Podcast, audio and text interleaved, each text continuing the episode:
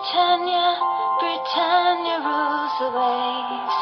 Britons never, never, never shall be slaves. Ooh,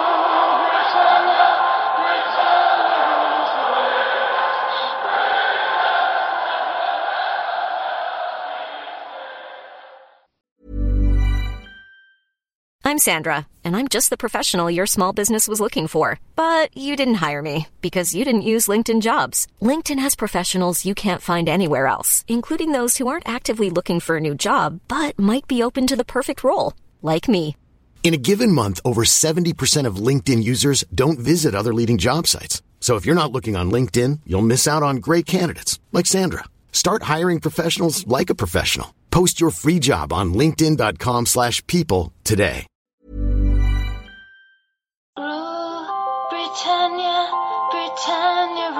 Rules the waves. Britons never, never, never shall be slaves. Ooh, Britannia, Britannia rules the waves.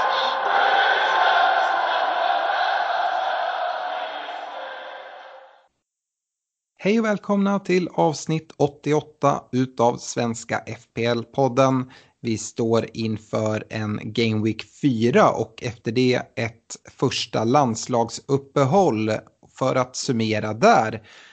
I dag, tisdagen den 29 september spelar vi in, så ska vi gå igenom laggenomgången från Game Week 3. Vi ska ha en veckans diskussion som, ja, gissa, den ska handla om straffar. Det har varit mycket snack om det, vi pratade lite om det förra veckan.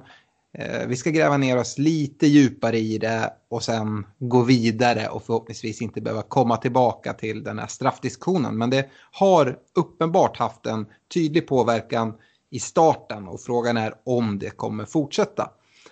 Vi ska kika in i poddlaget, ha en kaptensdiskussion och avsluta med en drös lyssnarfrågor. Ett eh, stort tack till våra samarbetspartners i Olka Sportresor, Unisportstore.se och Glenn Sportsbar.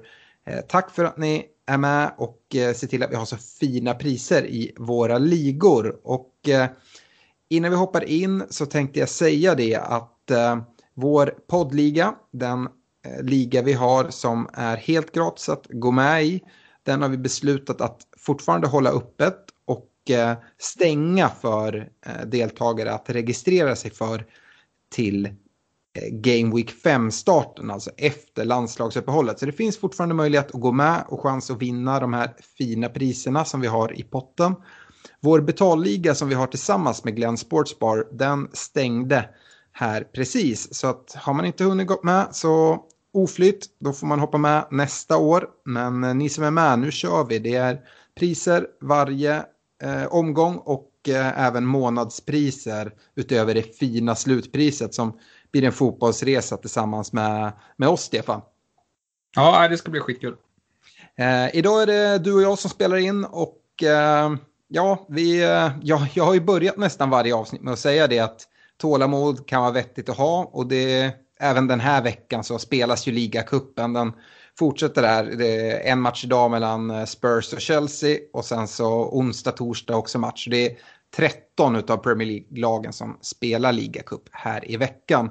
Men eh, Stefan, jag tycker du kan få rulla igång laggenomgången här och eh, det är väl vettigt att börja med Liverpool-Arsenal va? Ja, det är väl det. Eh, Liverpool vinner ju med 3-1 och eh, gör det eh, fullt rättvist. Eh, den här matchen kontrollerar man eh, från start, framförallt i, första halvlek. Och eh, det hade kunnat varit eh, större siffror än så. Sen visst, man bjuder på, Arsenal på ett mål och visst skapas det någon chans från Arsenals sida, men jag tycker att Liverpool ser ganska stabila ut överlag. Och jag förväntar mig att liksom, ja, men i, i en sån här säsong där det har varit ganska få hållna nollor hittills så är det ändå ett av de lagen som jag tycker visar upp eh, det allra bästa försvarsspelet. Och om man tar in det med, eh, tillsammans med att deras, eh, framförallt deras ytterbackar ser väldigt lovande ut även i år i den här matchen så, så gör ju Trent assist och får maximalt med bonus och Robertson gör ju mål på, på Trents inlägg och plockar hem två bonus. Så eh, tror jag absolut att eh, de kommer teka på eh, ytterbackarna där i, i Liverpool. Sen är det återigen den här diskussionen mellan Salah och Mané. Eh, I den här matchen tycker jag Mané är bättre. Eh, han gör även målet. Eh, Salah är väl aktiv men liksom kommer inte riktigt till sin rätt. Jag, jag tror lite att det beror på att eh, Salah får möta Tierney eh, som är en bättre försvarsspelare än vad Holding är. Eh, och Holding har större problem med eh, Manés kvickhet än vad, än vad Tierney har med, med Salas eh, rörelsemönster. Han, han håller ganska bra koll på honom under matchen. Eh, men, men det är väl liksom de, det är ytterbackarna och Salah och Mané, det är de som är av intresse. Eh, sen kommer vi fortsatt få vänta lite på att se vad Thiago kommer ha för effekt på det här laget. Och det be, blev bekräftat idag att han eh, har testat positivt för corona och eh, det var anledningen till att han missade den här matchen. Då. Eh, I Arsenal så eh, tycker jag väl att eh, eh man gör en ganska svag eh, första halvlek framför allt, men man håller sig kvar i matchen, vilket eh, vi har sett under Arteta att liksom, det har blivit bättre med inställningen och att man kämpar under 90 minuter. Ska man säga någonting så eh, gör väl liksom Ceballos ett bra inhopp och eh, han kommer spela mot sämre motstånd. Eh, men som sagt, spelschemat eh, ser fortsatt tufft ut från för Arsenals del och jag skulle inte eh, äga någon härifrån eh, faktiskt. Nej, eh, jag tänkte gå vidare. Det var ju en hel del uppseendeväckande resultat den här gameweeken och matchen jag tänkte gå in på nu är West Ham Wolves. Jag tror inte det var många som hade slängt in ett eh, spel där på att West Ham skulle vinna matchen med 4-0. Uh, eh, trots det så tänkte jag inleda med att prata lite Wolverhampton och det är ju mycket för att det är väldigt många som har vänt sig hit. Kanske framförallt de som drog wildcard. Eh, Wolves har ju ett väldigt fint spelschema. Men eh, det är annars så defensivt stabila Wolves släpper alltså in fyra mål och, och det mot ett West Ham. Eh, med Wolves spelschema är det ju många som, som har fyllt upp sina lag härifrån spelare som Jiménez, Saiz, Traoré och eh, de har alla en ägarandel på en bra bit över 10 procent med Jiménez i topp på dryga 23 procent.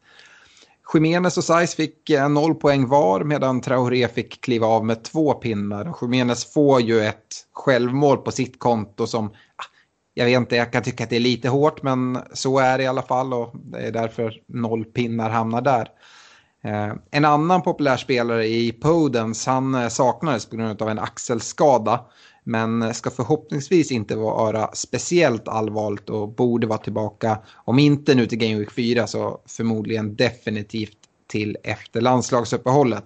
Sen finns det ju frågetecken kring hur Nuno kommer formera laget. Och, eh, vi har varit inne på det tidigare, jag tycker Podens har visat upp så pass mycket att han borde få fortsatt förtroende. Men eh, det finns såklart rotationsrisk, även om han skulle få, få starta några matcher så kommer han nog bytas ut och eh, kanske även i vissa matcher inte spela. Då. Eh, ja, utöver det då så Vinagre, han fick speltid på grund av att Marsal fort, fortsatt saknades på grund av skada. Eh, och Vinagre stärkte knappast sina aktier med denna match. Eh, och trots att detta var en bedrövlig Wolves-insats och resultatet kanske till och med var i underkant så tycker jag man ska sitta kvar med sina Wolves-spelare med förhoppning om att detta bara var en plump i protokollet. Vinagre är väl egentligen den enda spelare som jag förstår om man gör sig av med. Vi får ju vänta, avvakta och se lite här om Marsal förväntas vara tillbaka till, till Game Week 4. Men jag tror så fort Marsal är tillbaka så kommer Vinagre sitta där på kvisten igen om man nu blir kvar efter transferfönstret har stängt. Eh, schemat för Wolves som jag var inne på, det är Fulham hemma nu, det är Leeds borta, Newcastle hemma och Crystal Palace hemma kommande fyra matcher. Det vill säga tre hemmamatcher på, på Molineux där de är starka och eh, bortamatchen är mot ett Leeds som har eh, ja, de har blandat och gett lite, släppt in en hel del mål och gjort en hel del mål också. Så att, eh, jag tycker att Wolves-spelarna där sitter man kvar med spelare som, ja, om man har någon försvarsspelare och Jiménez, jag tycker inte att det är läge att agera där. Men West Ham då, ja, för, för deras del så ser de kommande fyra matcherna lite annorlunda ut. Eh, det är Leicester och Tottenham borta, följt av Manchester City hemma och Liverpool borta. Så ja, det är ganska stor skillnad skulle jag säga. Här är det ju tre bortamatcher och hemmamatchen då mot City. Men eh, West Ham, de eh, ska inte be om ursäkt för sig. De hade ju en svag eh, första Game Week. Eh, I Game Week 2 så tyckte jag de hade lite oflytt mot Arsenal och eh, här i, i Game Week 3 mot Wolves så kör de fullständigt över ett annars väldigt starkt eh, Wolverhampton. Och det är imponerande. Eh, Antonios briljanta forwardspel gör mig inte bara intresserad av honom för 6,4 och en förmodad straffskytt.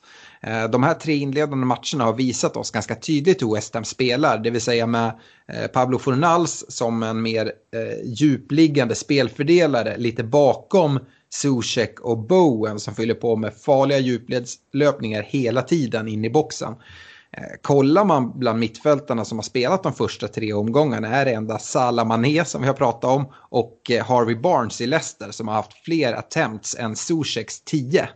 Därefter så är det Mount i Chelsea på 9 och sen kommer då Bowen på 8.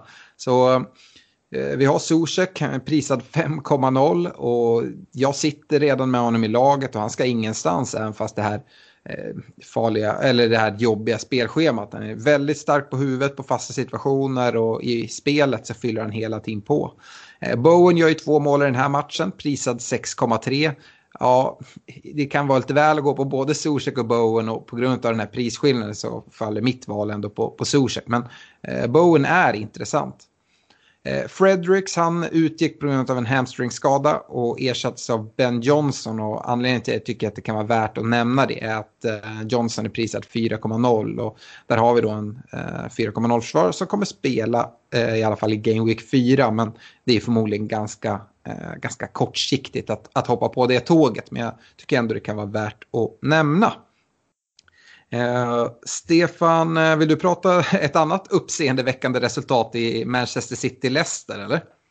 Ja, precis. Leicester tar hem den här matchen med 5-2. Det är första gången ett Guardiola-lag släpper in eh, fem mål.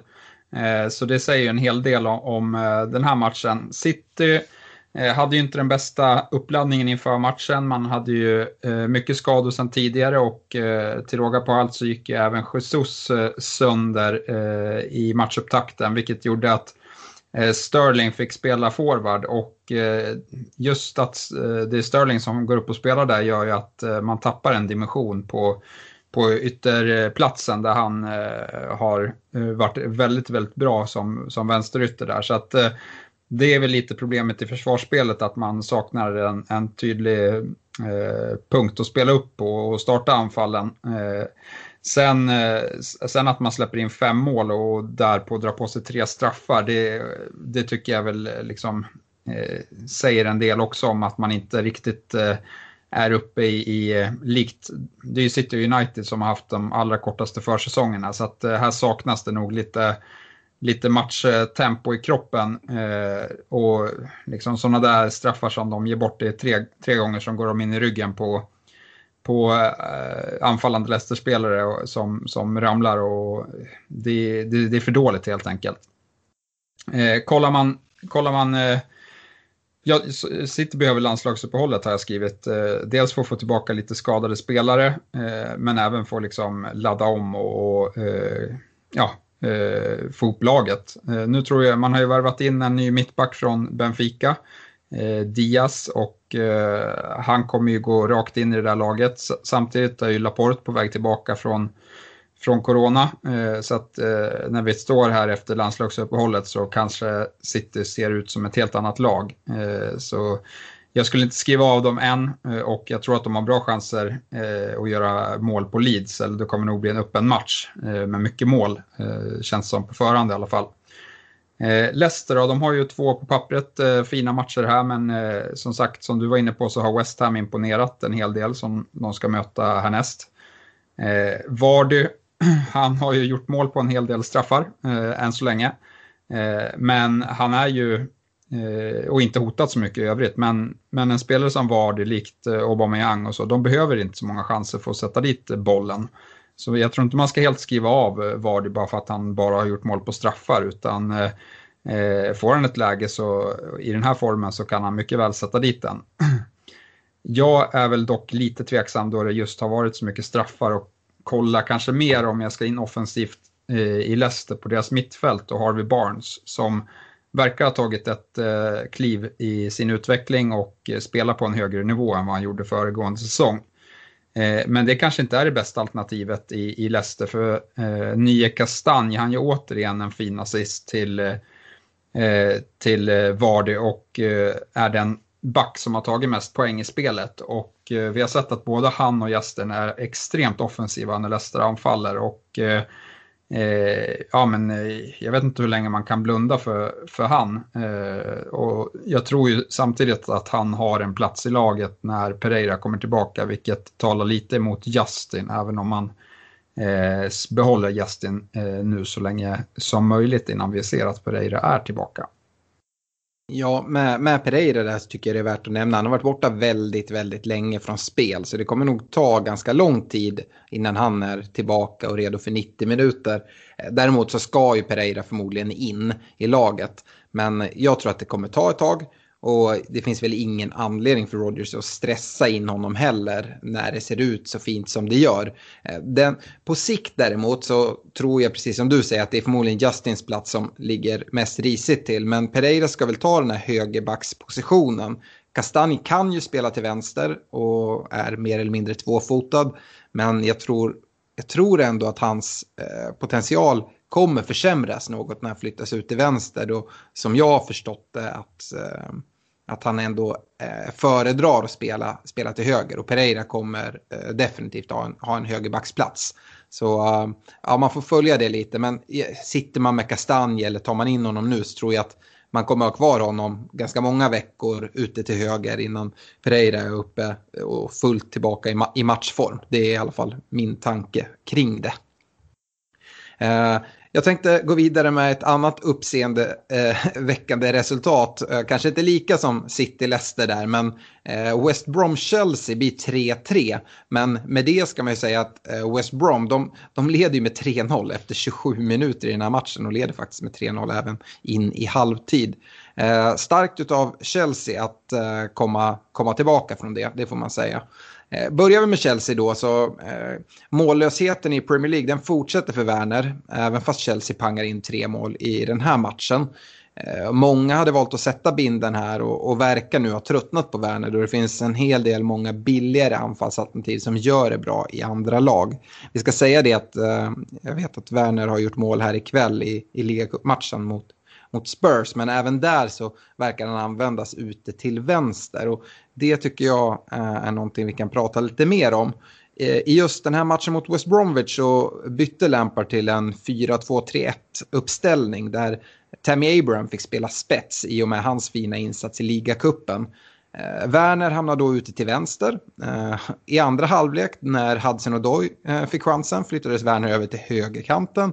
Och sen lite ytterligare senare i matchen så kom Giroud in och det spelades någon tvåmansanfall med Giroud och Abraham. Ja, men då flyttar Werner in centralt bakom de här. Så att han kastas runt en hel del nu. Abraham imponerar. Jag tror att han verkligen har stärkt sina chanser till att fortsätta som spetsen och då Eh, Eh, då får Werner förmodligen finna sig att spela ute till vänster nu ett tag i alla fall till, tills Pulisic är tillbaka och då får vi se vad som händer och hur Abraham ser ut. Jag tror att Werner kommer ha en, en, en plats här och förmodligen som den centrala där Abraham är. Men när Abraham visar den här formen, ja men då kommer han nog förmodligen hålla den platsen tills det blir någon liten dipp där.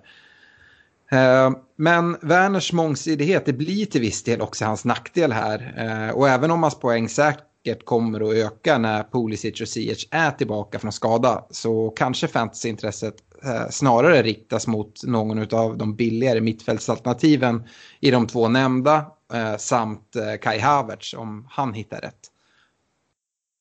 Detta var utan tvekan Havertz eh, bästa Premier League-insats och hans hattrick i, i veckans ligacup byggdes vidare med en assist i, i den här matchen. Eh, Mandy i mål är klar och kommer förmodligen att vakta buren nu framöver. Han står ikväll mot Spurs i ligacupen. Eh, något som kanske är extra välkommet för Reece James ägare. Eh, kan det börja komma lite nollor framöver så är han väldigt intressant.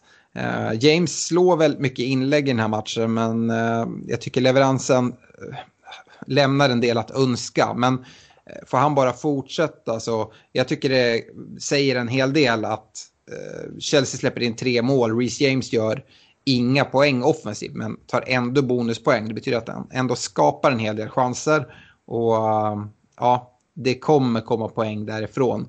Eh, så får de, får de till och tajta till försvaret så kan Reece James vara en, en väldigt bra spelare. West Brom då, ja de, de chockar Chelsea och nyttjar som sagt deras försvarsmissar. Thiago Silva bjuder ju på en riktig blunder. Eh, som sagt så ledde de med 3-0 efter 27 minuter. Eh, men jag tror inte West Brom kommer att göra speciellt mycket mål den här säsongen. Men det jag tror det är att Pereira på mittfältet kommer vara inblandad av merparten av dem det gör att han kanske skulle kunna visa sig vara ett, eh, ett billigt mittfältsalternativ. Jag har egentligen inte så mycket mer att, att, säga om West Brom utan tänkte att du Stefan kunde gå, få gå vidare och kanske prata lite Pallas Everton.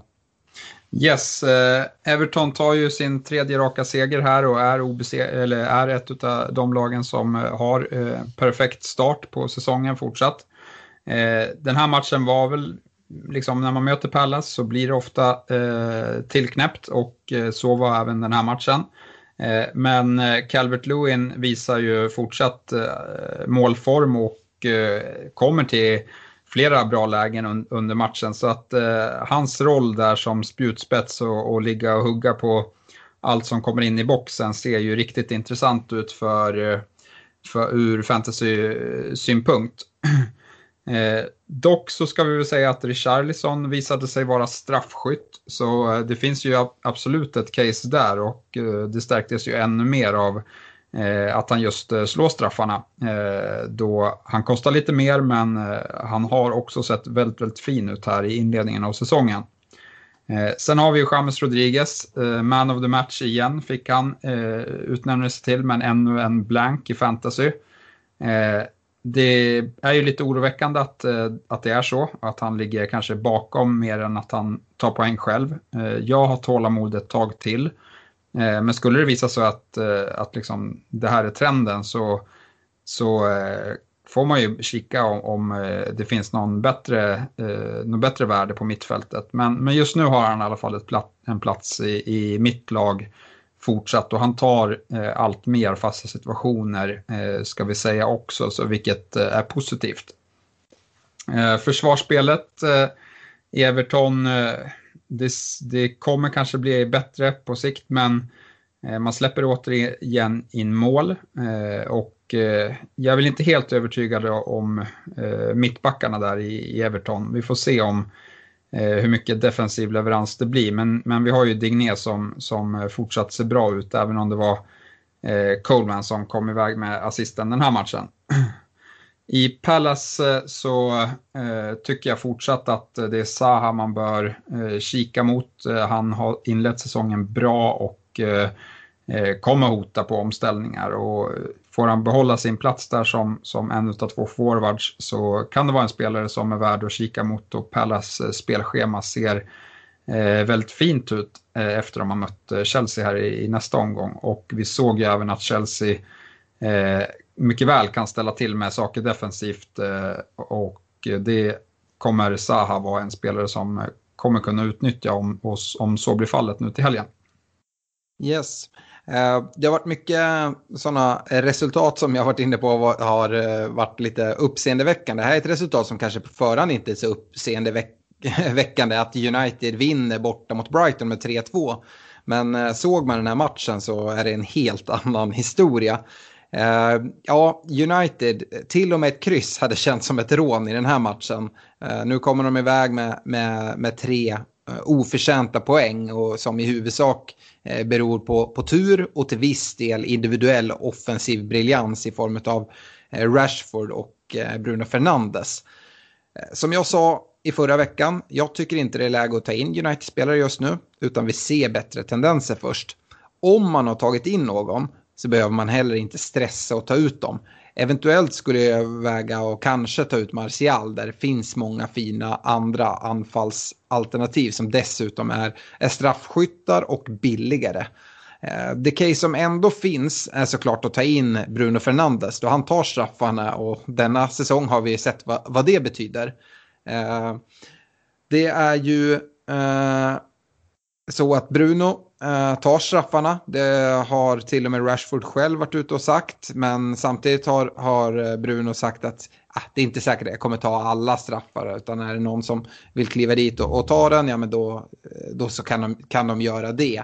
Eh, jag tolkar väl det som att i, om matcher är avgjorda och så, då kanske Bruno lämnar ifrån sig någon, någon straff. Men huvudsaken kommer han att ta.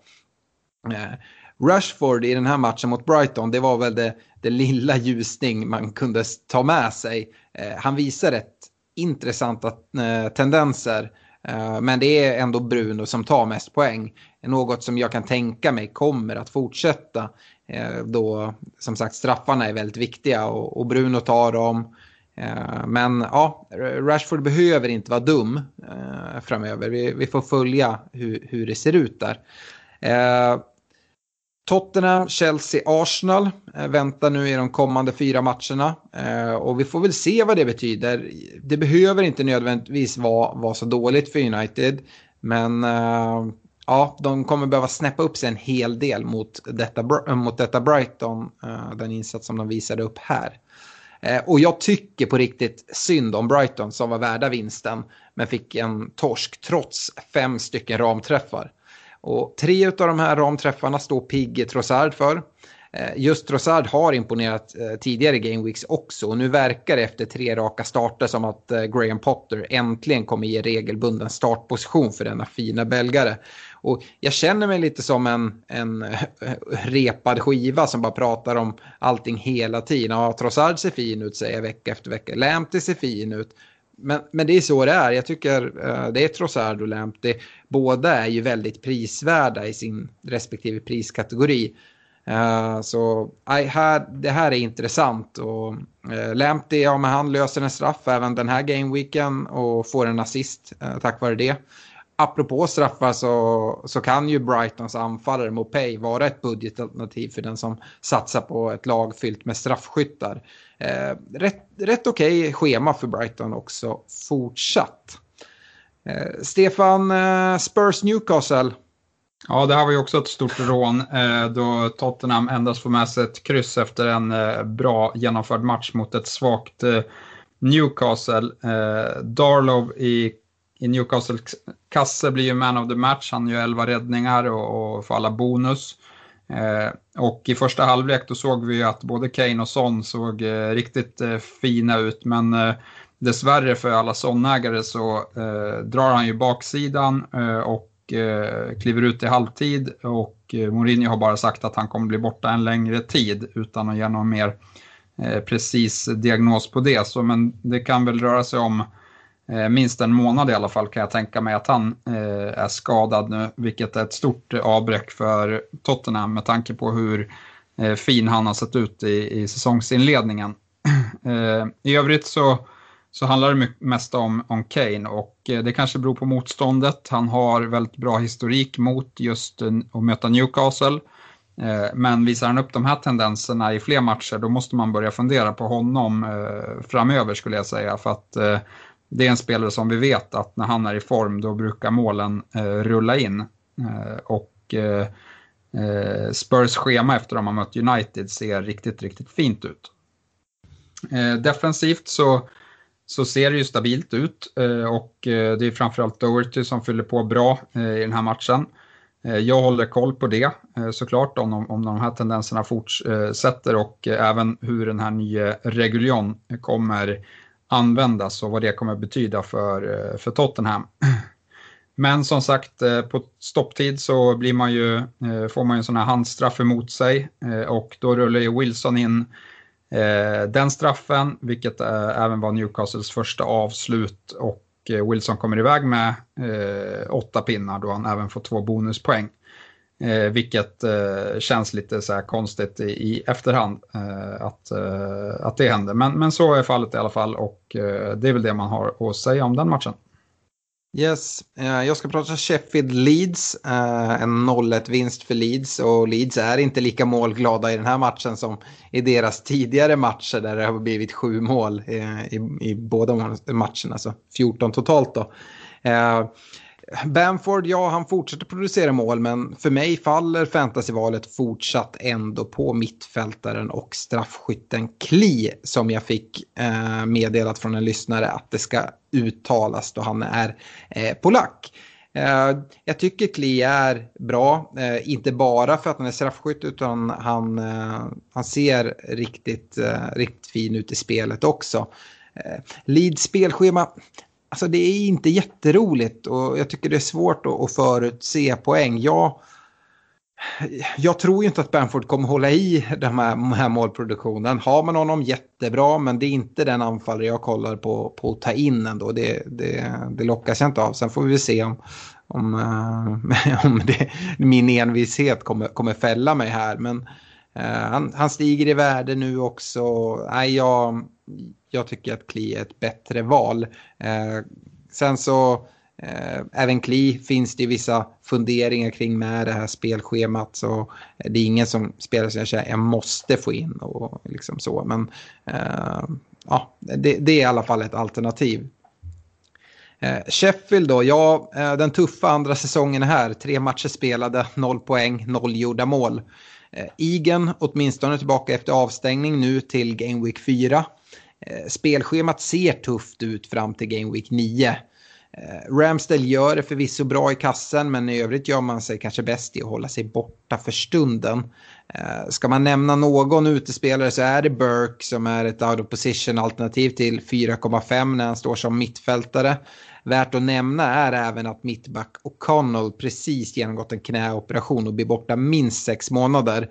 Och ja, det är ett tufft slag för, för Sheffield. Och Eh, vi får väl se om det kommer värvas in någonting här nu i, i sista dagarna. Och om det inte värvas in något här och Sheffields försvar kan, kan hålla tätt när spelschemat lättar upp så kan Robinson vara en billig väg in i deras försvar. Jag tror han står för 4,4 just nu. Eh, men eh, med det spelschemat som väntar så tycker jag inte det är läge att ta in honom red, redan nu. Det tycker jag inte. Kan väl även säga det att det har ryktats en hel del om att Sheffield är nära på att plocka in Ryan Brewster från, från Liverpool. Eh, han är ju en forward som prisad 4,5 och, skulle kunna vara ett väldigt fint alternativ, alternativ om han kommer. Men eh, det vet vi till nästa poddavsnitt för då kommer transferfönstret vara stängt. Eh, Stefan, Fulham Aston Villa är sista matchen som du ska gå igenom. Ja, och eh, här tar ju Aston Villa en, en kassaskåpssäker 3-0-seger. Eh, man kommer ut och, och eh, utnyttjar Fulhams brister defensivt till fullo och vinner lätt. Jag tycker dock att man ska börja kika på, vi såg det redan under, under eller efter coronauppehållet förra säsongen, att Villa hade skärpt till sitt försvarsspel och eh, det tycker jag att eh, man ska eh, kika mot även nu. De har två raka nollor. De har ju plockat in Martinez som jag tycker är en duktig målvakt från Arsenal. Sen har Konsa och, och Mings, liksom, de spelar stabilt och är svåra att ha att göra med. Vi såg till exempel Mitrovic ha en hel del avslut i den här matchen men det var många inlägg där han fick nick nicka, ganska ofarliga eh, nickar mot, eh, ja, som, som eh, inte ledde till någonting och det var ofta för att han var bortmarkerad utav de här två stora starka eh, mittbackarna. Eh, så, så jag tycker att eh, man bör eh, kika en hel del eh, på Villas eh, försvarsspel och vi ska väl inte dra allt för stora växlar då det var just Fulham man mötte, men, men tendenserna finns helt klart där. Eh, och kanske framförallt så ska vi inte dra för stora växlar utav Aston Villas anfallsspel. Eh, då, då Fulhams försvarsbrister är eh, ett av de svagare i, i ligan skulle jag säga. Men med det sagt så har vi ju Graylish som har skrivit nytt kontrakt och spelar ytterforward igen. Vilket han inte kunde göra hela för, föregående säsong då McGinn var skadad på mittfältet mycket. Eh, just nämnde McInn står ju som mittfältare och kostar endast 5,5 miljoner. I den här matchen så gör han två assist och plockar bonus. Eh, och eh, ser ut som den spelaren som inledde även förra säsongen pikt med att fylla på intensivt från, från sin mittfältsplats här och kanske kan vara ett budgetalternativ att kika mot när matcherna blir bättre för Villa. Ja, i Fulham så har jag nämnt Mitrovic. Jag tror att han kommer göra eh, fler mål eh, när, när man möter försvar som kanske inte är lika huvudstarka som, som Aston Villas försvarsspelare är. Eh, och han är ju fortsatt, han är även straffskytt, så ett, en bra budgetforward helt enkelt. Eh, annars är det väl Anguissa eh, för 4,5 på mittfältet som eh, nog är ett av de bättre betten på en billig femte mittfältare då han imponerat eh, när han har fått chansen. Han har ju även ryktats till en del storklubbar i Europa så att eh, vi ska väl inte helt avskriva att han, eh, eh om han blir kvar i, i fulla, men om han blir det så tror jag att han har spelat till sig Parkers eh, förtroende nu. Yes, uh, sista matchen det är Burnley Southampton, en uh, match som Southampton vinner med 1-0. Uh, och och eh, om vi börjar där i SA-15 så Ings, ja, han har gjort tre mål på tre matcher. Han är straffskytt. Vi vet sedan tidigare att han är en bra bonusspelare. SA-15 har ett bra spelschema. Ändå ifrågasatt och utbytt av väldigt många managers. Eh, det som talar mot Ings är enligt mig två saker. Han har väldigt få avslut eh, samt att det finns ett billigare anfallsalternativ i, i Shea Adams i, i samma lag. Adams han har eh, en bättre statistik än vad Ings har, om än marginellt, men sämre utdelning och inte straffskytt. Det är ju Adams som eh, får sin första offensiva utdelning i form av assisten till, till Ings mål i den här matchen. Men eh, kollar man på bakomliggande statistik så borde Adams även kunna komma in med, med, eh, med någon, någon kasse här snart. Jag tycker inte att man behöver stressa iväg honom. Det som är också en nackdel till, till Adams det är ju att eh, det finns konkurrens bakom. Och Ings, han känns ganska självskriven i det här laget medan Adams eh, eventuellt kan, kan mista sin plats om man inte eh, har speciellt bra insatser i, i några, några omgångar. Eh, de som har eh, McCarthy i kassen eller exempelvis Walker Peters i Southamptons backlinje var nog glada att se att Southampton spelar med en betydligt lägre backlinje här mot Burnley. Och då kom ju även nollan. Det som återstår att se är hur Hassenhüttel kommer att fortsätta här framåt. Burnley då, ja det är ett väldigt skadedrabbat Burnley som saknar spelare som Tarkovsky, Ben Mee, eh, Brady, Cork, Berg Gudmundsson, J. Rodriguez och Barnes. Eh, ja, Wood, det är precis som du var inne på med Mitrovic, det är en eh, straffskytt. Men dessutom en väldigt duktig spelare, så han skulle kunna vara av intresse. Eh, och i ett wildcard skulle även försvararen Dunn för 4,0 kunna vara en möjliggörare. Att han skulle behålla sin mittbacksplats när skadeläget ljusnar, det ser jag däremot som ganska otroligt. Men i övrigt så håller man sig bäst borta från Burnley just nu. Där var laggenomgången slut och vi ska gå vidare med veckans diskussion. Och, eh, den ska ju handla om straffar, Stefan, och straffskyttar. Eh, vi har eh, sett 20 straffar nu på 28 matcher. Eh, skulle tempot hållas upp, det tror jag väl i och för sig inte, men skulle det hålla det här tempot då skulle vi se två, drygt 271 straffar över 380 matcher eh, i, som det har varit den här säsongen. Och hittills så är det bara Arsenal, Burnley och West Ham som är de enda klubbarna som varken har fått någon straff med eller emot sig. Eh, Leicester de har fått fem straffar här på tre matcher som ett exempel. Och, eh, aj, jag vet inte, jag tror inte att det kommer bli några 271 straffar den, den här eh, säsongen. Men eh, vi kommer definitivt se mer än de 91 straffarna som var förra året. Och, eh, Går man bakåt så Premier League-rekordet på antal straffar ligger på 106 som var säsongen 09-10 och säsongen 16-17 så tangerades det. Eh, jag tror även att det kommer passeras ganska tydligt. Vad, vad, vad, säger du Stefan? Jag vet att det har kommit eh, lite ny information och lite andra direktiv till domarna men eh, vi lär väl se en hel del straffar här fortsatt, eller?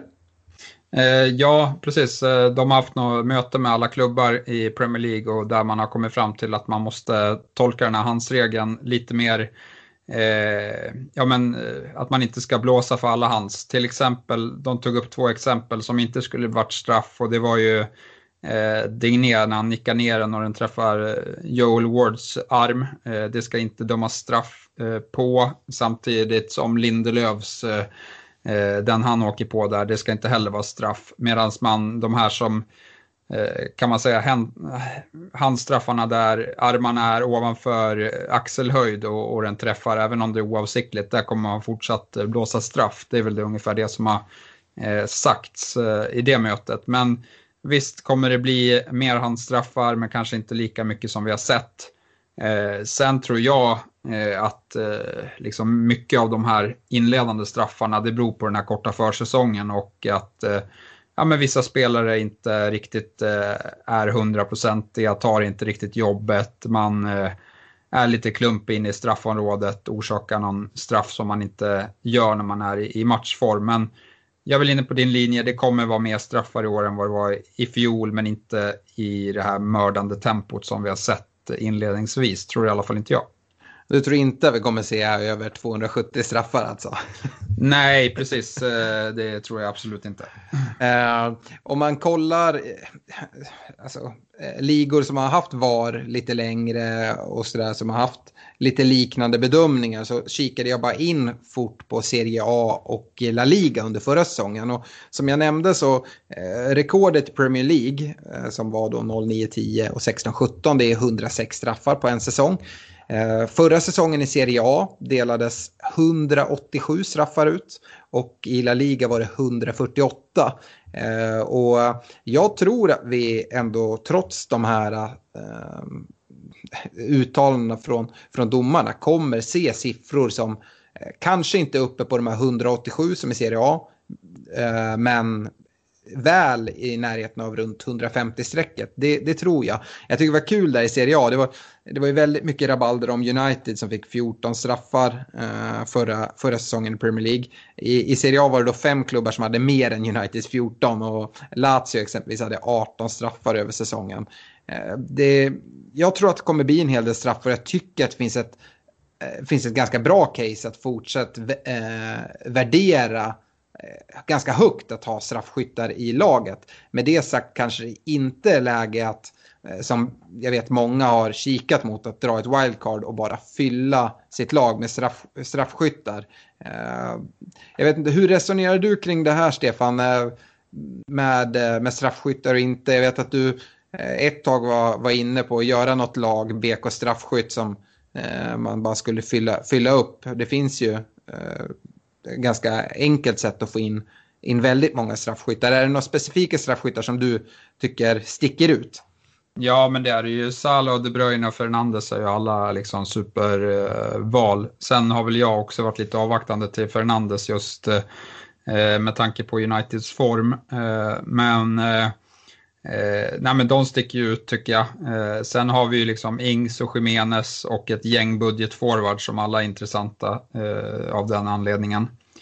Eh, men, men eh, som, som du säger, liksom, eh, nu kommer de tolka hans regeln lite annorlunda. Det vi får se, det kommer säkert blåsas eh, straff för hans, men jag tror absolut inte att det kommer blåsas lika mycket som i till exempel Serie A och La Liga, eh, där, där man har valt att tolka det på ett annat sätt. Och vad jag har hört så ska de inte ändra på sin tolkning. Det är ju mer att eh, Fifa har varit på eh, engelska ligan specifikt och sagt att nu måste ni blåsa mer straffar fast ingen i England verkar vilja göra, eh, vilja, verkar vilja blåsa straffar för de här skitsakerna. Så att eh, vi får se hur, jag tror att de kommer gå emot eh, direktiven lite grann men även liksom, eh, blåsa mer. Så något mellanläge där eh, ser väl jag. Eh, sen sen liksom, det kommer ta en stund till men efter landslagsuppehållet här så tänker jag väl att eh, lagen mer och mer börjar komma in i säsong och bli, bli matchtränade. Men just att det är väldigt, väldigt tajt matchande hela tiden gör ju också att ja, men det blir mer skador, det blir liksom reservspelare som kanske inte hade spelat i vanliga fall som spelar och de kanske orsakar straffar och eh, ja, nej, rekordet ligger nog nära till hands eh, ändå. För att avsluta veckans diskussion här, har du någon eh, avancerad bedömning? Jag sa det, vi, har ett Premier League-rekord på 106 straffar, La Liga låg på 148. Min gissning är att Premier League när vi summerar kommer ligga ganska nära de här 148. Har du någon gissning ungefär vart du tror det kommer kunna landa? Nej, men nu har vi redan haft 20 straffar på tre omgångar så att eh, det blir väl, ja men säg 140 då. Mm. Ja, men då är vi ganska eniga här. Eh, med det så tycker jag vi går vidare och eh, kikar in i poddlaget som hade en helt okej okay omgång. Vi drog inget wildcard. Eh, vi fick 40 poäng. Det är ju normalt sett en ganska låg score. Men alla kaptensalternativ mer eller mindre eh, hade ju ganska halvdassiga resultat. Och de som hade Eh, väldigt, alltså mycket bättre poäng än de här 40 pinnarna. Ja, men det var ungefär de som hade Vardy i laget. Vi hade binden på Kevin De Bruyne som kändes väldigt bra på förhand. Eh, det blev ju en, en blank där och eh, totalt fyra poäng in från honom. Eh, vi har inte gjort något byte här inför eh, kommande Game Week och jag vet inte riktigt vart vi står där. Är det något du vill, vill, vill säga om, om poddlaget? Eh, nej, jag vet inte. Det känns lite... Eh, det känns som att vi kan göra lite olika saker men inget klockrent. Eh, jag tänker framförallt på... Vi hade väl kikat en del på Jiménez. Eh, sen såg Wolves väldigt svaga ut och jag tror att eh, Chelsea, eh, Crystal Palace, det behöver inte vara en, en dålig match för Chelsea även om många eh, dumpar Werner nu här så Ja, jag vet inte, vi får väl se, men det känns som att smart att avvakta in till deadline innan man gör något definitivt. Och, mm, för det kommer ju en hel del information inför alla deadlines med, med corona och, liknande. Eh, så att eh, man kan få lite informationsfördel där, känner jag. Ja, Wolves ska ju förvisso möta det här svaga Fulham-försvaret nu. Eh, så att eh, Jiménez finns ju ett case för. Å andra sidan så, eh, nu går vi in i eh, en transferintensiv vecka då transferfönstret snart ska stänga.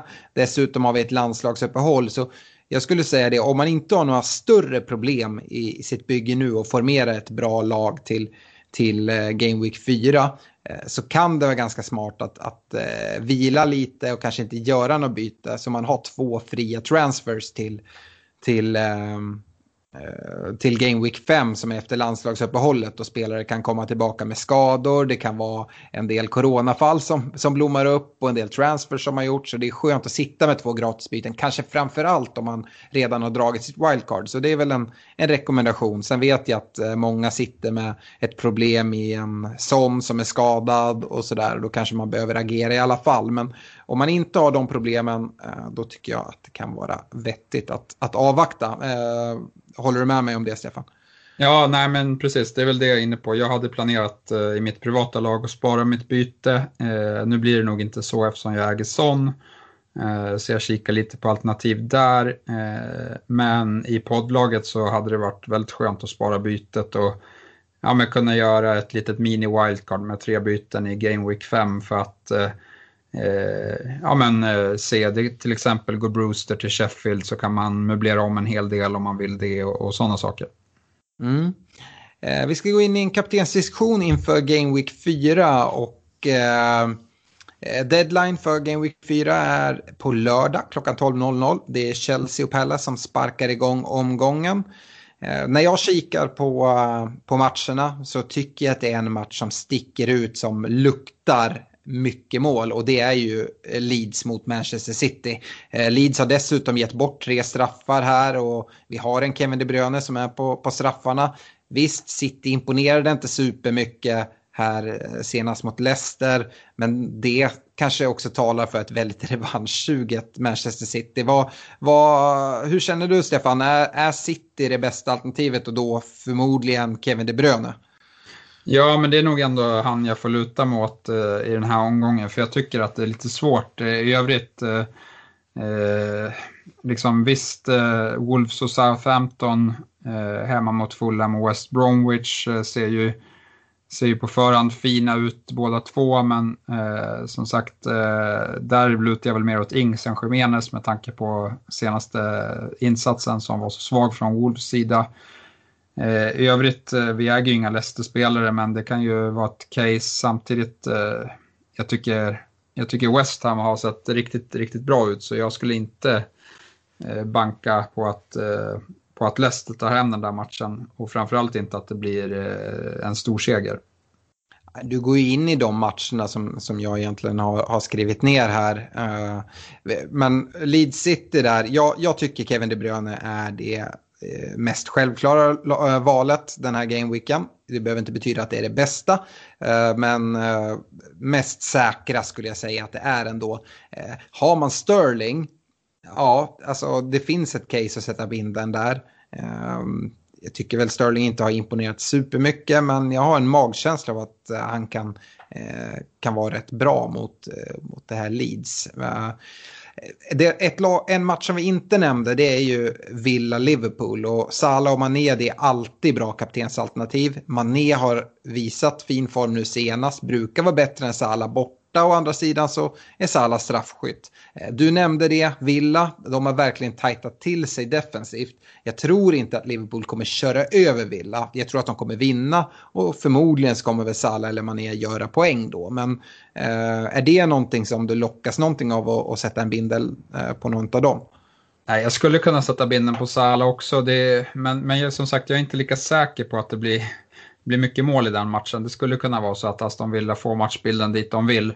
Eh, samtidigt så tycker jag att Liverpool imponerar väldigt mycket eh, här och det var lite likt föregående säsong där man egentligen säkrade ligatiteln första halvan av säsongen då man kom ut, var redo, körde över eh, samtliga lag och tog eh, ett stort försprång mot City. Eh, och det ser ut att kunna hända ungefär samma sak i år här om inte City skärper till sig snabbt. För att eh, City har problem just nu med sina skador och eh, de måste ta poäng ändå. Eh, och blir det inte så, ja, men då kan det nog bli en säsong som ganska snabbt eh, ser ut som Liverpool ser eh, ostoppbara ut. Om man vill sticka ut lite eh, och vi sa det att Villa har sett ganska starka ut defensivt, däremot imponerar de inte offensivt. Vi har ju två väldigt offensiva ytterbackar som såg fina ut mot, eh, mot Arsenal och som tar offensiva poäng. Eh, Trent eller Robertson, skulle det kunna vara något eller sätter man inte binden på en försvarsspelare? Nej, jag vet inte. Borta mot... Eh, nej, vet, det kanske är fegt, men jag gör nog inte det. Eh, dels för att eh, så mycket hänger på, om det ska bli en bra, riktigt bra omgång så ska de ju hålla nollan. Eh, och, uh, jag vet inte, de, de gav bort eh, någon chans eh, mot Arsenal som eh, de kanske inte borde heller. och Lacazette brände något friläge där så att det är inte vattentätt. Eh, samtidigt kanske ett av de försvars, försvaren som imponerar mest. Men, men Trent såg riktigt fin ut tycker jag. Eh, jag vet att Robertson gjorde mål men jag tycker Trent eh, var den som imponerade mest i, i matchen. Mm, ja, det, Trent hade ju kunnat komma iväg med, med mer poäng. Han hade ett fint inspel till, till Mané där Leno stod för en fin räddning. Han hade även en, en boll som gick via en försvarare upp i ribban. Så det hade ju kunnat absolut bli mer poäng från, från Trent i den matchen. Och vi vet ju vad han har för poängtak i, när han har sina matcher. Uh, ja, för den vågade så skulle man kunna sätta en binder där. Det behöver inte vara, vara dumt skulle jag ändå säga. Uh, även fast jag är feg och såklart kommer sätta den på Kevin De Bruyne som, som de allra flesta tror jag. Uh, du var inne på det. man brukar kolla efter vilka lag som möter de här usla försvaren och då har vi Southampton och Wolves. De möter West Brom och Fulham som jag tycker hittills har varit de sämsta försvaren.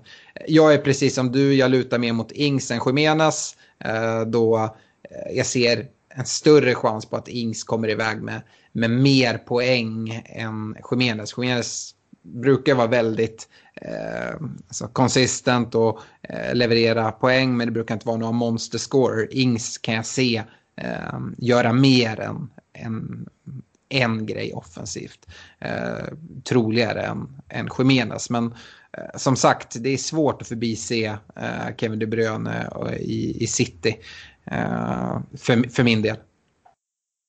Ja, precis. För det, det, det, är nog den matchen på förhand som man ser så här, men här kommer det bli mycket mål. Sen kanske det blir att ja, men Leeds kanske, de har ju faktiskt imponerat så att Bielsa kanske hittar en, en fin eh, taktik där som, som gör att de, jag tror att de kommer skapa problem för sitt eh, offensivt, men frågan mm. är om de kan stänga igen defensivt.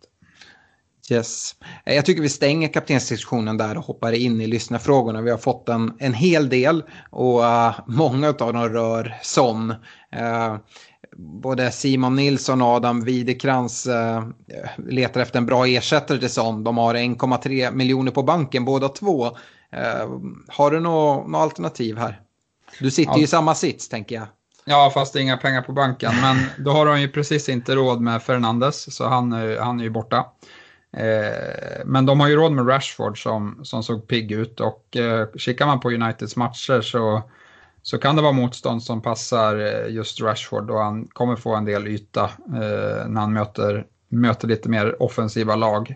Eh, jag hade dock gått billigare eh, på mittfältet tror jag och då kikar jag framförallt mot Harvey Barnes eh, och eh, Zaha i Crystal Palace. Eh, där jag lutar mer åt Harvey Barnes. Eh, för jag tycker han har imponerat. Även om han inte är straffskytt så, så tror jag ändå att det är dit eh, jag vänder eh, mig. Jag tycker att Leicesters matcher ser fina ut och de verkar eh, ha liksom startat säsongen bra här.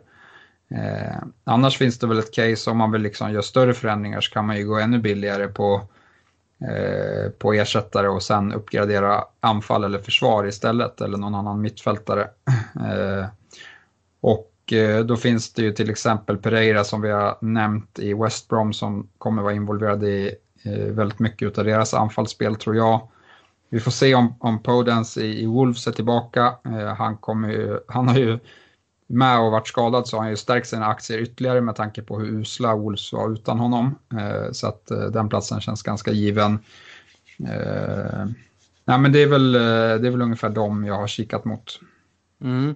Eh, Jonathan Windahl, han är också inne på sån där. Han undrar om det är värt att ta ut honom eller om, om man kan tro att han ska vara tillbaka här efter uppehållet och bara missa en match. Vad, har du hört någonting? Jag hörde någonting om att han förmodligen kan vara borta ett tag. Ja, nej, Mourinho la ju locket på där ganska rejält eh, och bara sa att han skulle vara borta länge. Eh, sen vet vi inte om det, liksom, det, det är omöjligt för oss att veta. Eh, men Mourinho brukar väl, kan, jag vet inte, han, jag tror att det är ganska ärligt. Man såg också, det var i samband med att han sköt ett, ett av sina ribb, eller ett, sitt ribbskott där så såg man efteråt att han började halta ganska Eh, betänkligt eh, och sen pratade med Mourinho lite på sidan och, och så var han utbytt i halvtid. Så att eh, det var något som hände som han kände ganska tydligt och ja, jag tror att han är borta ett tag. Eh, det är ju ett uppehåll som sagt, men oavsett så är det ganska bra läge att byta ut sån. Det är en hel del pengar man har uppbundet i honom och eh, det känns dumt att ha honom sittandes på bänken. Man kanske lockas över att tro att han ska spela Game Week 5, sitter kvar med honom och så missar han det också.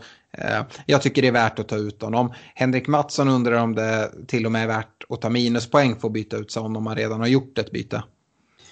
Det beror ju lite på hur eh, ens övriga lag ser ut, vad man kan få in på bänken. Har den spelaren någon potential att ta poäng eller är det bara en som kommer kommer plocka två pinnar. Eh, för 9,0 så kan man ju få in ganska mycket kul. Eh, han skriver också att han har 1,5 på banken. Ja, precis. Då får man in Fernandes om man tror att United tar eh, matchen mot Tottenham, vilket det finns absolut eh, möjligheter för att de gör med tanke på att Tottenham dels möter Chelsea idag, eh, spelar väl mestadels reserver, men sen ska de eh, spela en avgörande playoff-match mot Maccabi Haifa på torsdag innan de sen möter United. Då. Så att det är, jag tror att Tottenham kommer att vara ganska slitna när de har den här nu sista matchen innan landslagsuppehållet och har spelat extremt mycket matcher på kort tid här. Mm. Eh, Christian Olsson eh, kollar på, på Spurs han också. Han är lite orolig för Davis. Eh, kommer han bli petad till helgen undrar han? Jag antar att det beror på Reguljon. Ja, det, det vet ju bara Mourinho, men eh, det finns absolut en oro att han blir petad. Jag tror att han eh, eh kan få eh, en match till här. Eh, jag har läst lite matchreferat från Tottenham-Chelsea och Reguljon har haft lite, ganska stora problem defensivt vad jag har läst mig till i alla fall. Eh, så vi får väl se. Eh, men samtidigt vet jag inte om, om man vill eh, spela med en Spurs-back mot United på bortaplan. det känns sådär i min bok ändå. Ja, och så som sagt att det förmodligen är en framtida avbytare. Reguljon är ju intagen som ett första alternativ skulle jag säga. Simon Johansson är inne på exakt samma sak som Christian och han undrar vem man tar in istället för Davis. Eh, ja, då finns det ju eh, Size och, och Reece James eh, i samma, eh, ungefär samma prisklass. Jag tror att de har gått upp båda två. Eh, annars så, så tycker jag Lamptey i, i Brighton ser eh, riktigt intressant ut för 4,6. Yes. Uh, jag tänkte vi skulle gå vidare till en eh, spelare som väldigt många byter ut. Det är den näst mest utbytta spelaren. Nu, nu har vi pratat Son som är den mest utbytta. Men Werner. Eh, Karl Kviding eh, skriver hur långt tålamod ska man ha med Timo Werner eller borde man ge honom en chans till? Alltså, som, det är lite likt det poddlaget. Vi skulle kunna byta Werner till Jiménez eh, bara för Wolves spelschema, men jag börjar mer och mer luta åt att det är mer värt att ha två byten i Game Week 5 än att göra det. För att eh, Werner skulle mycket väl kunna eh, straffa Palace eh, då liksom de, de, har, de har gjort det bra, de har backat hem och kontrat och fått med sig lite resultat, men eh, i en matchbild där, där eh, de hamnar i underläge mot Chelsea och liksom måste gå framåt, då tror jag absolut att det finns brister defensivt eh, i, i en sån matchbild. Mm. Uh, Chris Carlson, är en människa som behöver lite uppmuntrande ord här tror jag. Han säger det, se på mitt lag, jag får ångest bara av att titta på det. Så skickar han upp det. Eh, jag vill slänga alla mina tre anfallare. Jag tycker han är lite drastisk. Han sitter med en forwardslina med Shea Adams, Timo Werner och Mitrovic. Uh, vad ska jag ta in? Kan nedgradera någon av mina mittfältare. Där sitter han med De Bruyne, Bruno, Son, Havertz. Uh, och sen så funderar han på då ned, nedgradera någon där för att uppgradera eh, sina anfall. Jag tycker inte att han behöver lägga in så mycket mer pengar i, i sitt anfall. Uh, vad säger du Stefan? Han, han, skriver att han längtar redan till, till nästa säsong. ja, nej, han kanske inte har fått den bästa av starter då, men eh, jag kan väl trösta honom med att det är många duktiga människor som, som eh, har haft tuffa inledningar och det tror jag beror mycket på att ja, men det har funnits väldigt lite bevis på eh, med, med utebliven försäsong och vilka som ska starta säsongen bra och att det har varit väldigt mycket överraskningar också. Eh, så att det har varit lite lotteri skulle jag säga i vem som har fått en bra start och inte. Där vi till exempel såg Salah med 20 pinnar i första gameweeken och Son med 24 pinnar i andra gameweeken så, så har det varit och nu var det med med 17 mot City. Så att eh, nej, det där kommer inte fortsätta under hela säsongen. Jag tycker inte heller att hans forwardslina är dålig. Mitrovic tycker jag väl har varit en positiv överraskning hittills. Eh, man kan inte förvänta sig att han gör mål hela tiden. Eh, Adams, eh, bra bett här nu för nästa Game Week. Eh, Werner kan mycket väl göra det bra mot Crystal Palace. Så, nej, jag vet inte. Jag hade nog suttit lugn i båten och, och kanske tagit bättre beslut här i, i Game Week 5. Eh, och kanske eh, bara litat på sitt lag som man har tagit ut. Ja, kanske byta ut Son då som är skadad som man har på mitten. Men, det, det är sant, ja. Son, Son kan han byta ut. Ja. Eh, Jakob Andersson, han är väl också sådär, han, han bytte Vardy mot Jiménez förra gameweeken och undrar vad vi säger, har att säga om det härliga bytet. Ja, nej, det, det var väl, det var väl eh, inte helt fel på förhand, men, men det blev ju väldigt fel. Eh, nej, men som sagt, eh, hur kan man förutspå att, eh, att Leicester ska fortsätta få straffar i det här tempot? Det, det, det, är tufft ibland, men, men eh, så är det. Eh, Jiménez eh, trumfar Vardy till nästa omgång, är min eh, tro. Samma här. Uh, prata lite wildcard då. Uh, Tobias Tim uh, undrar vilka spelare man ska blicka mot, mot i ett wildcard om man ska satsa på en 3-5-2 eller 3-4-3 som han tänker. Och så undrar han, ska man dubbla upp i Liverpool-försvaret? Jag tycker att man ska dubbla upp i Liverpool-försvaret allt mer. Det är ett av få lag som jag ändå tror kommer vara bland de bättre defensivt och eh, ytterbackarna har redan visat att även när de släpper in mål så kan de ta mycket poäng. Eh, jag tror Robertson tog väl 10 poäng eh, nu mot Arsenal och Trent plockar väl in en sju pinnar trots att han tog, tog gult kort där. Så att, jag har svårt att se någon på mittfältet ska kunna ta eh, mycket, för samma pris kunna, kommer ta mycket, eller lika mycket poäng som dem. Eh, å andra sidan så finns det väl några intressanta eh, backar som är billigare. Liksom. Digné har sett bra ut.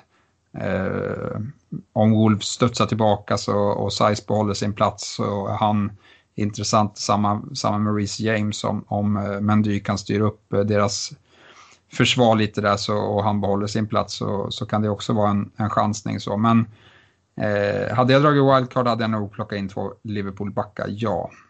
Mm. Ludvig Fridolfsson uh, kollar också på ett wildcard och han vill ha tips på lite bra budgetspelare att få in eh, runt 4,5 till 5,5. Uh, eh, har du något tips där? Vi har varit inne på, på Brewster här som man kanske ska hålla ögonen öppna för uh, om han kommer till Sheffield. Att få en riktigt, riktigt billig anfallare som ändå spelar och får kunna producera Eh, producera poäng men kanske framförallt få frigöra pengar till, till andra delar i, i laget. Är det någon annan du vill lyfta?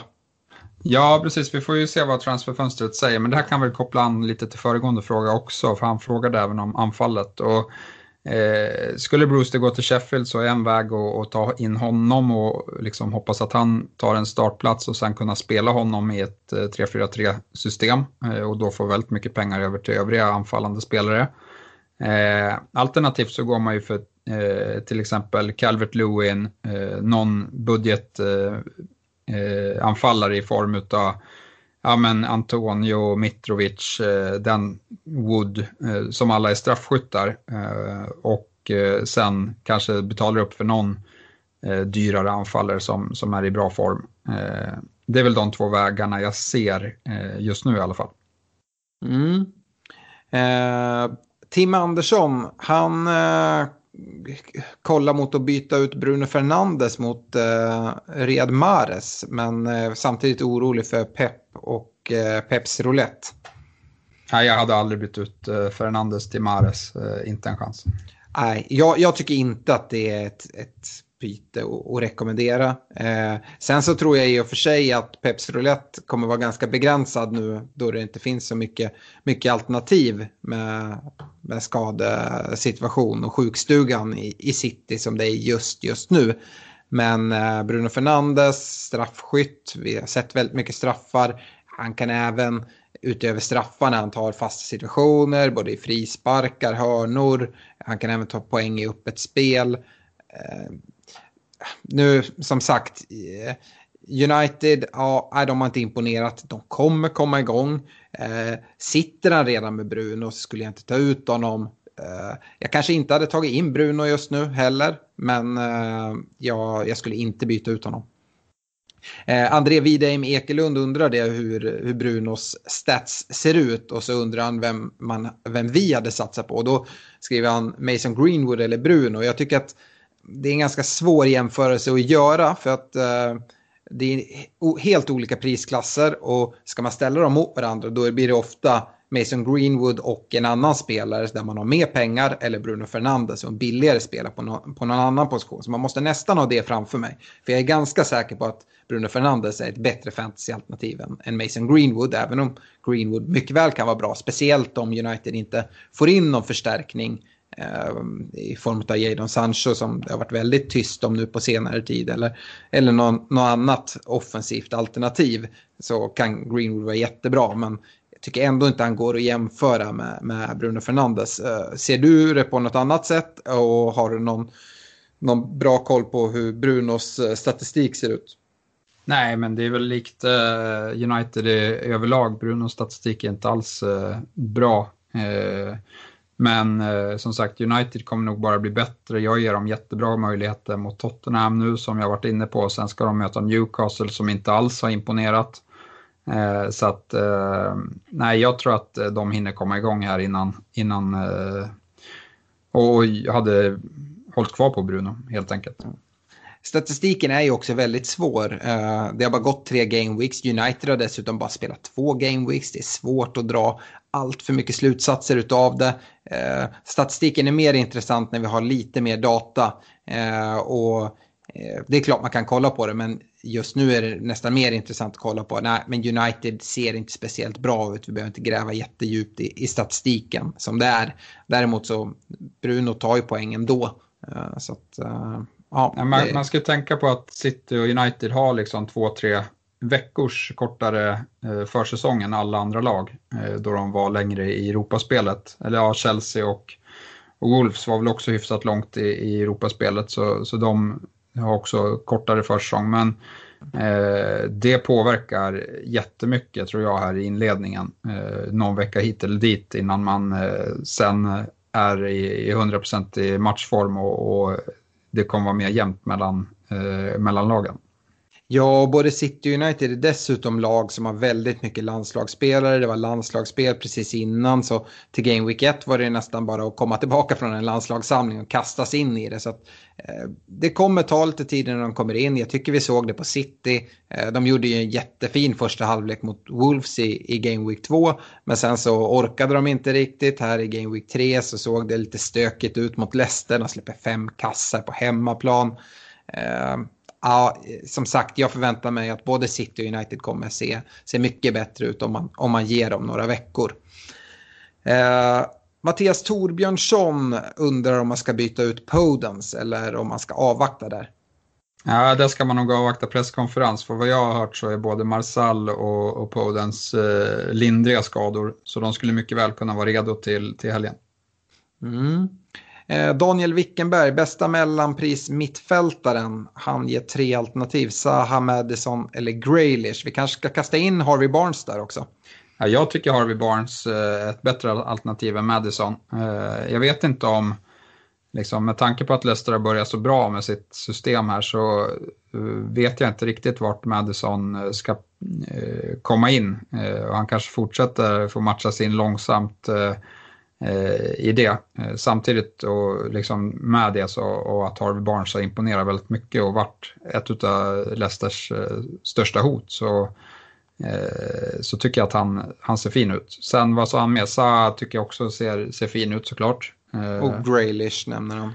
Ja, Graylish och där får vi se, där tror jag att han kan vara förmodad Eh, förmodad straffskytt. Eh, det kanske är lite tidigt med Graylish, de har Liverpool och Leicester de två kommande eh, matcherna, men sen ser det lite bättre ut. Så eh, absolut, och eh, man kan vara ganska säker på att han kommer spela eh, ytterforward eh, här Eh, framåt också, då, då skadeläget på mittfältet ser mycket bättre ut.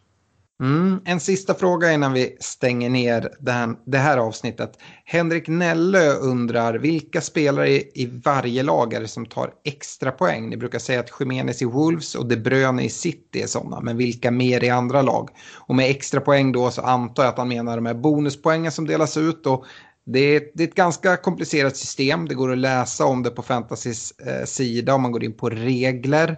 Jag fick frågan även i ett eh, DM kring det här där jag länkade dit och eh, så. Eh, dels så är det ju beroende på eh, ja, men, de som gör eh, poäng i form av hållna nollor och mål och assist. Eh, Sen så är det lite olika vilken position man har, vad man får. Till exempel anfallare spelar det jättemycket in om man gör, gör mål. Eh, det inte, spelar inte lika stor roll för mittfältare och försvarare. Men sen är det, det är tacklingar, man får minuspoäng när man drar varningar, man får poäng om man är inblandad i mycket passningar, skapar chanser för medspelare, lyckade dribblingar. Och, eh, ja, Stefan, har något att tillägga där? Det är som sagt ganska mycket saker som påverkar och det finns vissa spelare som gynnas av bonussystemet och andra som, som missgynnas av det helt enkelt. Ja, nej, jag, framförallt så tycker jag väl att de borde göra om poängsystemet när det kommer till straffar. Eh, dels att, eh, att det, det, känns alldeles för avgörande nu. Eh, liksom. Jag tycker de har fått till prissättningen i spelet bra överlag. Eh, hade man nu bara liksom haft en balans mellan hur värdefullt det är att slå in en straff, för som vi såg i den här omgången till exempel Wilson som inte gör ett skit på hela matchen. Eh, så får han en straff på stopptid och ska han då få två bonus för att han slår in den straffen eh, plus att han får fyra poäng för att, för att han gör mål det känns helt fel tycker jag. Eh, där borde det, det, det är liksom för stor varians bara i den händelsen.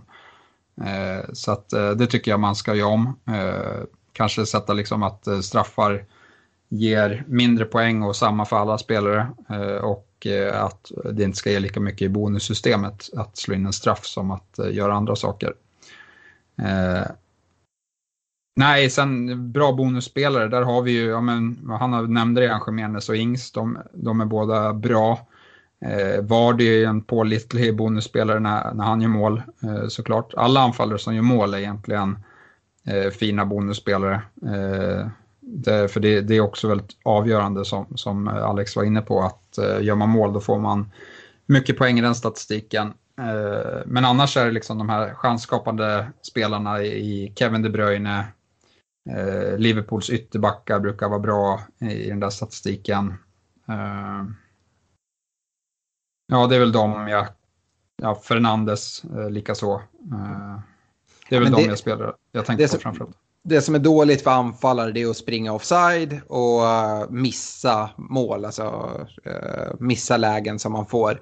Eh, det, det, är direkt negativt. Så det finns ju vissa spelare som ligger på offside-gränsen hela tiden. För att de ska få, få bonuspoäng då krävs det eh, definitivt att de gör mål. Eh, så, att, ja, så kan man sammanfatta det. Det går att nörda ner sig jättemycket i det. Och som du, du säger Stefan, jag tycker inte att det är helt optimalt. Jag tycker att det kanske borde värderas ganska mycket när en spelare utses till man of the match och sådana saker. Men det tas inte in som det är just nu. Vi kan tycka vad vi vill, eh, men systemet är som det är. Eh, en anfallare som gör mål är väldigt mycket värt oavsett om det är straffar. Därför så är straffskyttar ganska bra att ha.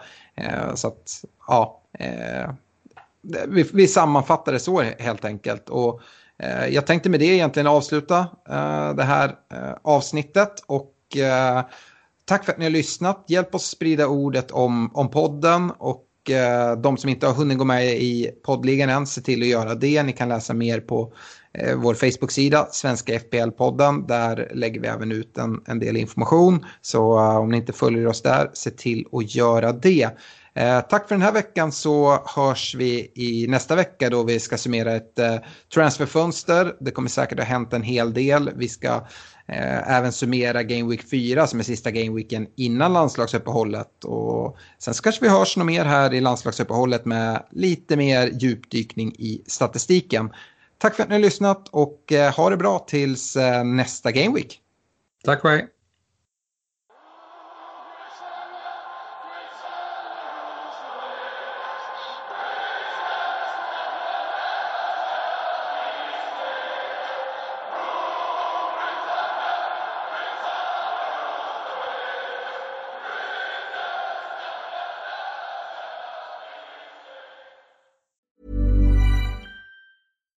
Deserves the best, and there's no better place to shop for Mother's Day than Whole Foods Market. They're your destination for unbeatable savings, from premium gifts to show-stopping flowers and irresistible desserts. Start by saving 33% with Prime on all body care and candles. Then get a 15-stem bunch of tulips for just $9.99 each with Prime. Round out Mom's menu with festive rosé, irresistible berry chantilly cake, and more special treats. Come celebrate Mother's Day at Whole Foods Market.